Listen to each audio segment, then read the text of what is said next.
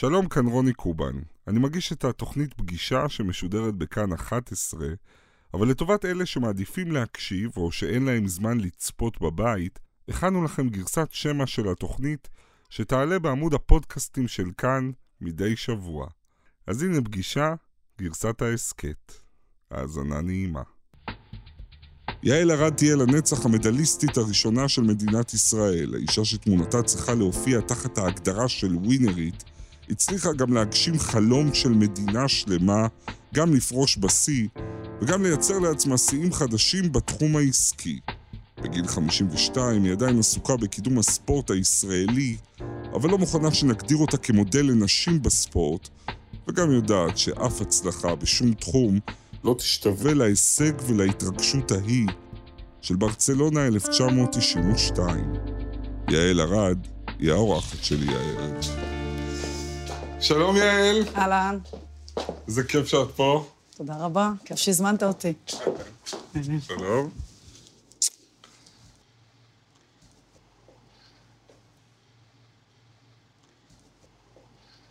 מגניב. את יודעת, הקיר הזה, במה הוא שונה מרוב הקירות של שאר התוכניות? המון כותרות קצרות, הפסידה, ניצחה, מקום שני, מקום ראשון, טראח, בום. שזה היה החיים שלך הרבה שנים, נכון? עובדים, עובדים, עובדים, טראח, בום, שני, ראשון, אין, יש, בום. כן, הסיפוק, האכזבה, ההצלחה, המפלה, כן, החיים בספורט של ספורטאים אה, ברמות האלו, אה, הם כל הזמן אה, תוכנית ארוכת טווח, עובדים קשה בשביל המטרה, ובדרך המון נכשלים, וגם מנצחים, וכל הזמן היא ביקורת עצמית, כל הזמן איך להיות יותר טובים. אני זה... גם חושב על הפער הזה בין תהליכים מאוד ארוכים, ובין גזר דין שהוא תוך דקה, תוך שתיים, תוך... כן, אבל זה מה שהופך אותך לקצת, כאילו, מה שאני קוראת וורייר, הלוחם, שאתה יודע שאם אתה רוצה להצליח, אתה צריך לעשות כל מה שצריך עכשיו. אין מחר, אין מועד ב', אי אפשר לסמס, להסביר שקמתי חולה. זה עכשיו, כאן ועכשיו, ביום הנתון, ברגע האמת, להביא את עצמך במלוא הדרכה, ולא רק להיות הכי טוב שאתה יכול, להיות הכי טוב בעולם, הכי טוב מכולם. הכי טוב בעולם. אתה יודע שפעם זכיתי במקום שני בעולם? שנה אחרי האולימפיאדה, זה היה כתוב אה, אכזבה, רק מקום שני. בעולם. היה כתוב בעיתון.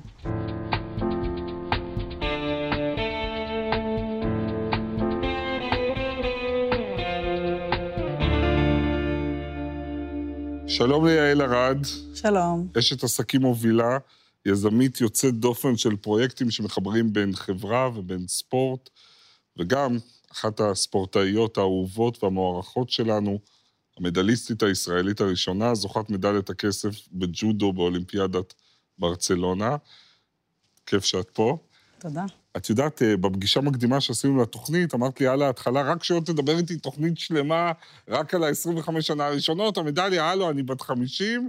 ושתיים. כן, אז אני מבטיח שנדבר גם על החצי השני, תכף אני ממש אקיים את ההבטחה, אבל תקני אותי אם אני טועה, יש לי הרגשה שבאותה מידה שאת כמובן גאה בהישג ההיסטורי הלאומי שלך, את גם מנהלת איתו יחסים מורכבים.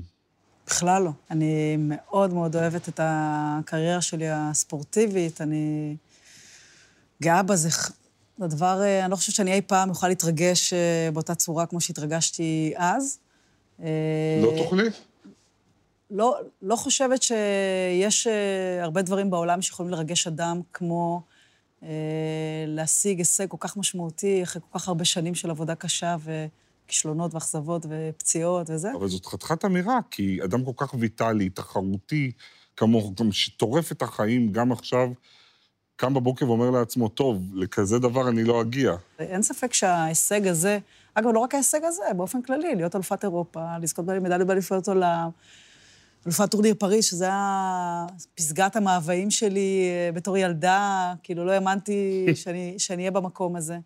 וכן, המדליה האולימפית זה משהו שהוא מאוד מאוד נדיר מבחינת היכולת של בן אדם, אה, בכלל, לשים מטרה כל כך קשה, להיות הכי טוב שיש בעולם. אבל ו... אני רוצה להתחיל דווקא ברגע שאת חוזרת לארץ, אחרי הזכייה. זה, זה ישראל אחרת, אין מיליון רשתות חברתיות, אין מיליון ערוצים, אין זוכים, אין מדליות, אין גלגדות, אין, אין כמעט הישגים בעולם, ואת חוזרת ו... מה את נתקלת?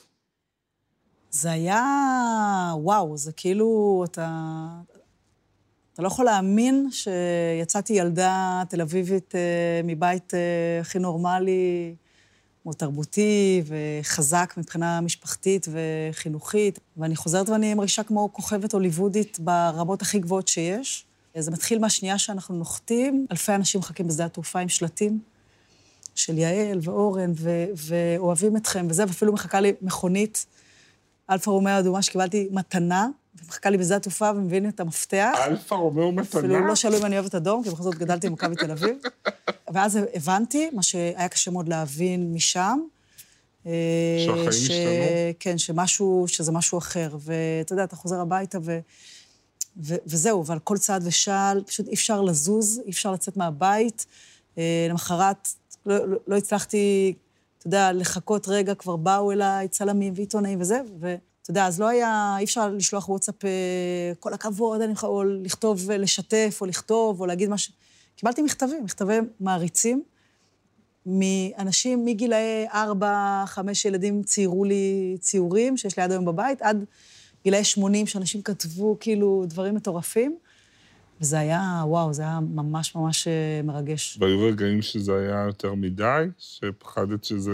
אני חושבת שאני, אה, אחרי כל כך הרבה שנים של עבודה של מה שאני קוראת במרתפים חשוכים, רחוק מעיני הציבור, אה, אימונים כל כך סיזיפיים, שאתה נורא נורא רוצה לקבל הכרה. אתה נורא רוצה שידעו שאתה טוב, שאתה הכי טובה, שיבינו את המאמצים שעשיתי.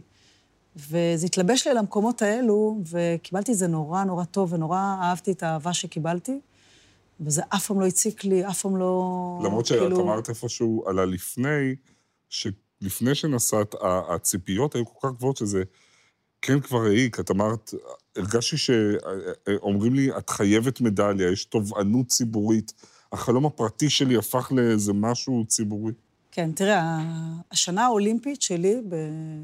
כאילו, בשנת 92 הייתה אולי השנה הכי קשה שהייתה לי בחיים, כי... הכי קשה? כן.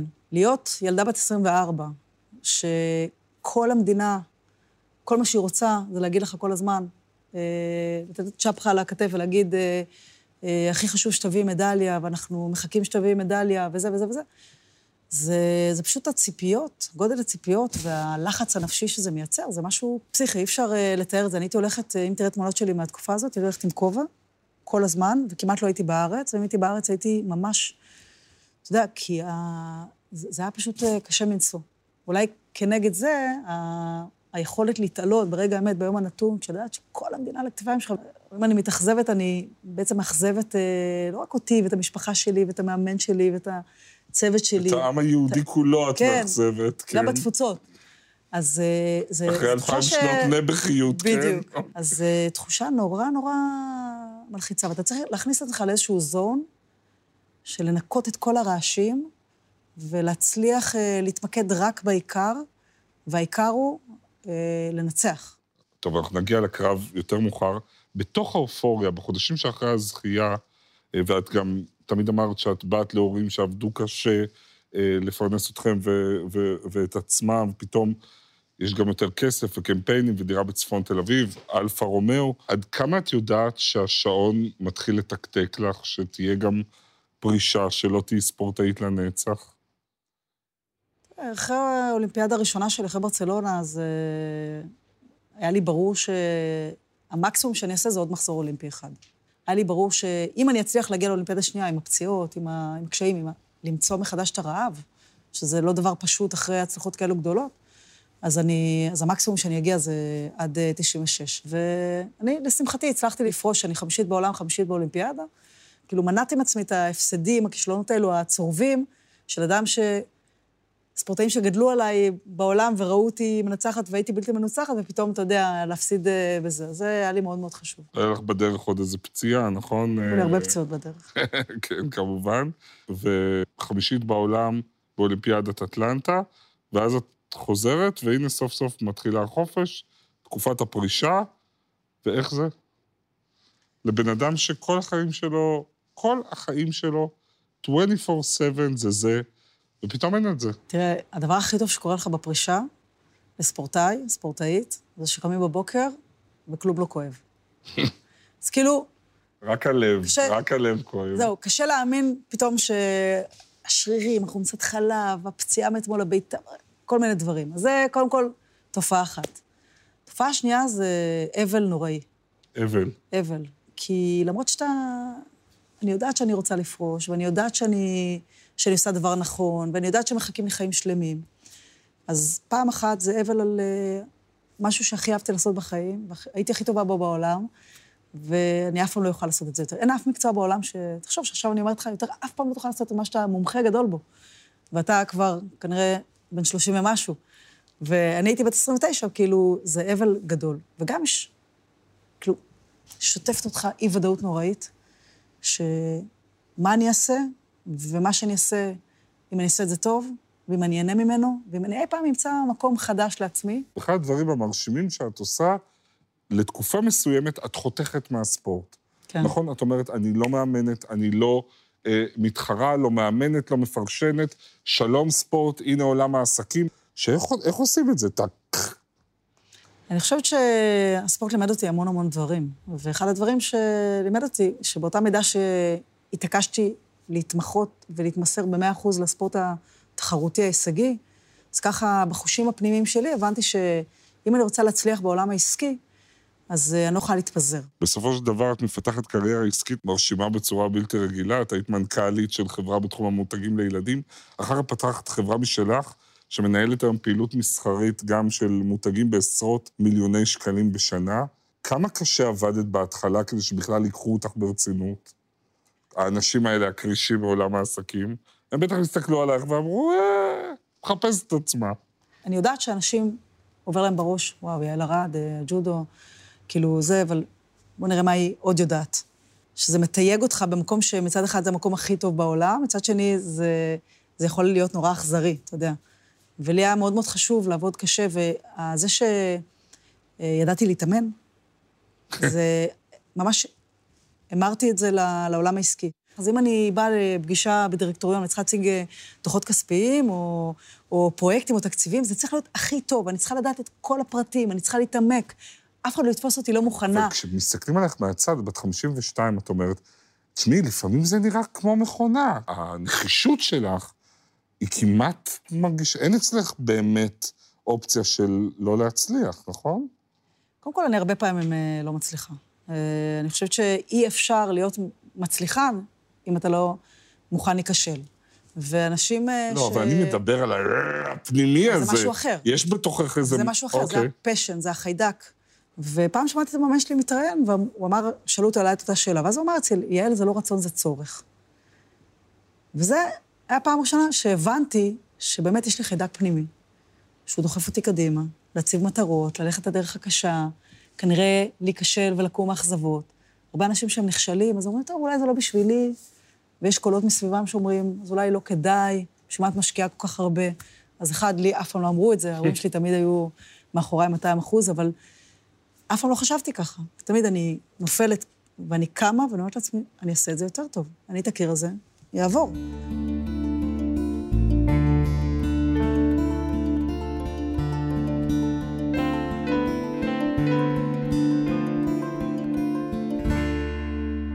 אוקיי, אז אימא נורית ואבא אריה, והם שני עיתונאים, והבית שאת גדלה בו הוא בכלל בית מאוד אינטלקטואלי, בית של מילים, לא של מכות. גם ג'ודו זה לא מכות. אוי, חטאתי. טוב, תכף תסבירי לי בדיוק מה זה ג'ודו, והאחים, אייל ארד הוא יועץ פוליטי מפורסם, ואחותך מיכל חוקרת מוח. זאת אומרת, את כן היית... ובאמצע יש את דרור, אה, עורך דין פלילי, ויובל, שהוא היום ראש מועצת אה, צור יגאל כוכב יאיר. עוד מעבר, יש גם עורך דין וראש מועצה. כן, אז את ממש... הבחירה שלך היא כן עוף מוזר, בואי נגיד. הייתי ילדה מאוד ספורטיבית, עם יכולות גופניות מאוד גבוהות. אה, כל ספורט שנגעתי בו... מה, טומבוי כזאת? מאוד טומבוי. היו שלושה אחים גדולים, רק כשהייתי בת עשר מיכלי נולדה. אבל באמת היו לי כישרונות גופניים מאוד גדולים. וכשנתקלתי בג'ודו, כי זה היה שיובל אח שלי, שהוא הקטן מבין הגדולים, קצת הציקו לו בבית ספר, אז ההורים שלי חיפשו. היה מועדון ג'ודו אחד בתל אביב, ברחוב הירקון צריף. אוקיי. ואני הלכתי איתו. זה היה כדי לעזור לך, להגן עליו שלא יקבל מכות? הוא הלך, ואני כנראה אהבתי מאוד לעשות מה שהאחים הגדולים שלי עשו, אז הלכתי גם. אבל מהר מאוד התאהבתי בספורט הזה, זה היה מאוד נחמד להרים ילדים באוויר, לזרוק אותם על הגב.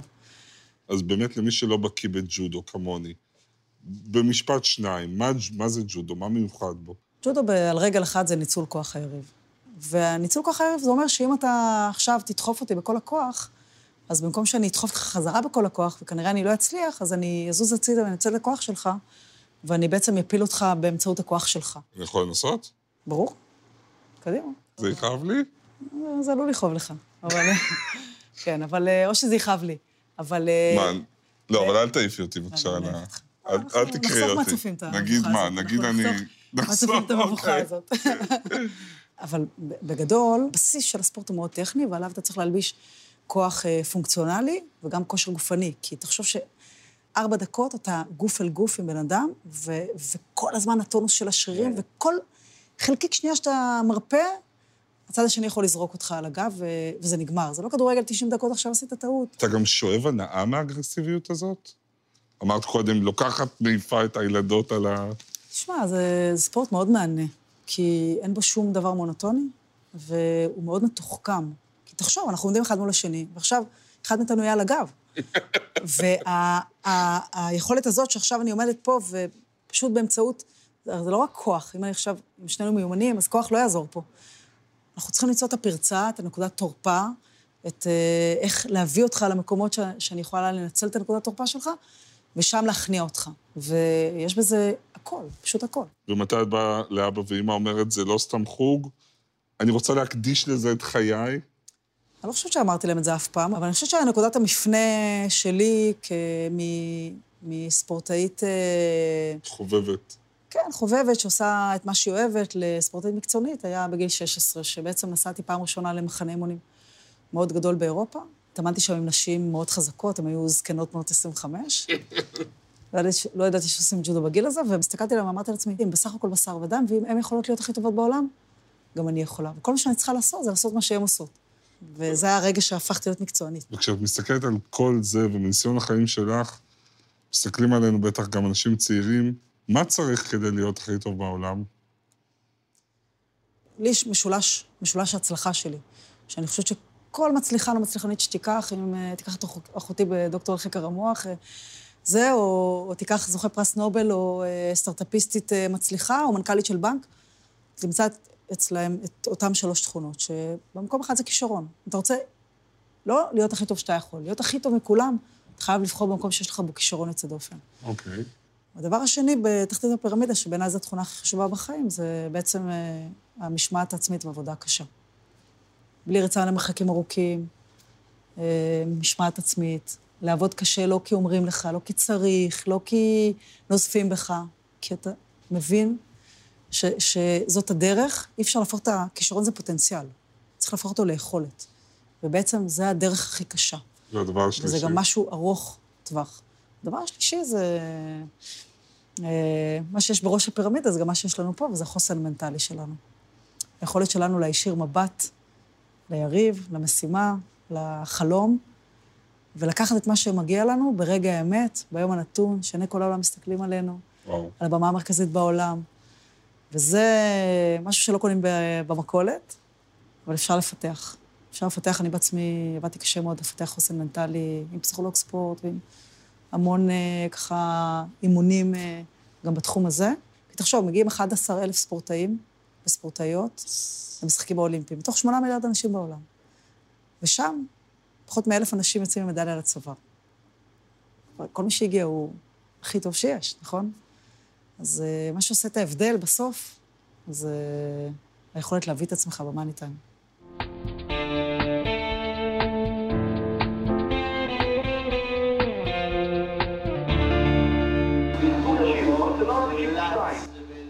ניסיון התקפה עכשיו של אה, אייקוב. איזה חיה יצא. טוב, אז כמו בכל אה, סרט ספורט ככה חזק, דרמטי, גדול מהחיים, צריך אויבת גדולה מהחיים. במקרה שלך זה פראוקה אייקוף, רק השם אה, מפחיד אותי כרגע. וייקוף הייתה אלופת העולם הבלתי מנוצחת, והייתה מקרר, והיא היה לה תרגיל אחד, שהיא הייתה זורקת את כל המתחרות שלה. היא הייתה נותנת להם לתפוס למעלה, מחבקת אותם, מרימה אותם באוויר, וטורקת אותם, תרגיל שנקרא אורה נאגה, לפה, ונופלת עליהם. וכאילו, אני, המאמן שלי רצה שאני אדע לה- להתמודד עם התרגיל הזה, אפרופו ניצול כוח היריב. ובעצם שנה שלמה התאמנו בווינגייט, הייתי עומדת במרכז המזרון, הוא היה מעמיד נערים ונערות סביבי, מכריח אותי לתת להם לעשות תרגיל, והיה לו רעיון, הוא אמר לי, יעל, אין בעיה. כשתהיי באוויר, לא להילחץ, פשוט תורידי את מרכז הכובד, תתפסי לה את הרגל, ותפילי אותה אחורה. אוקיי. תפילי אותה אחורה. אמרתי, בסדר, אני אהיה באוויר. הוא אמר, תראי שזה יהיה בסדר, תורידי את מרכז הכובד. לא רוצה להגיד לך כמה פעמים נפלתי על המוח וכמה פעמים בכיתי, אבל בסוף, גם אם היית מעיר אותי באמצע הלילה, כנראה גם היום, ידעתי לעשות בדיוק את הדבר הזה, וש... מדהים, שנה שלמה אנשים נתנו לך את התרגיל של פראוקה. כן, וכשהגעתי לפה ידעתי שאני אצטרך ב... בהחלטה להכניס אותה למלכודת, ואז זה או היא או אני.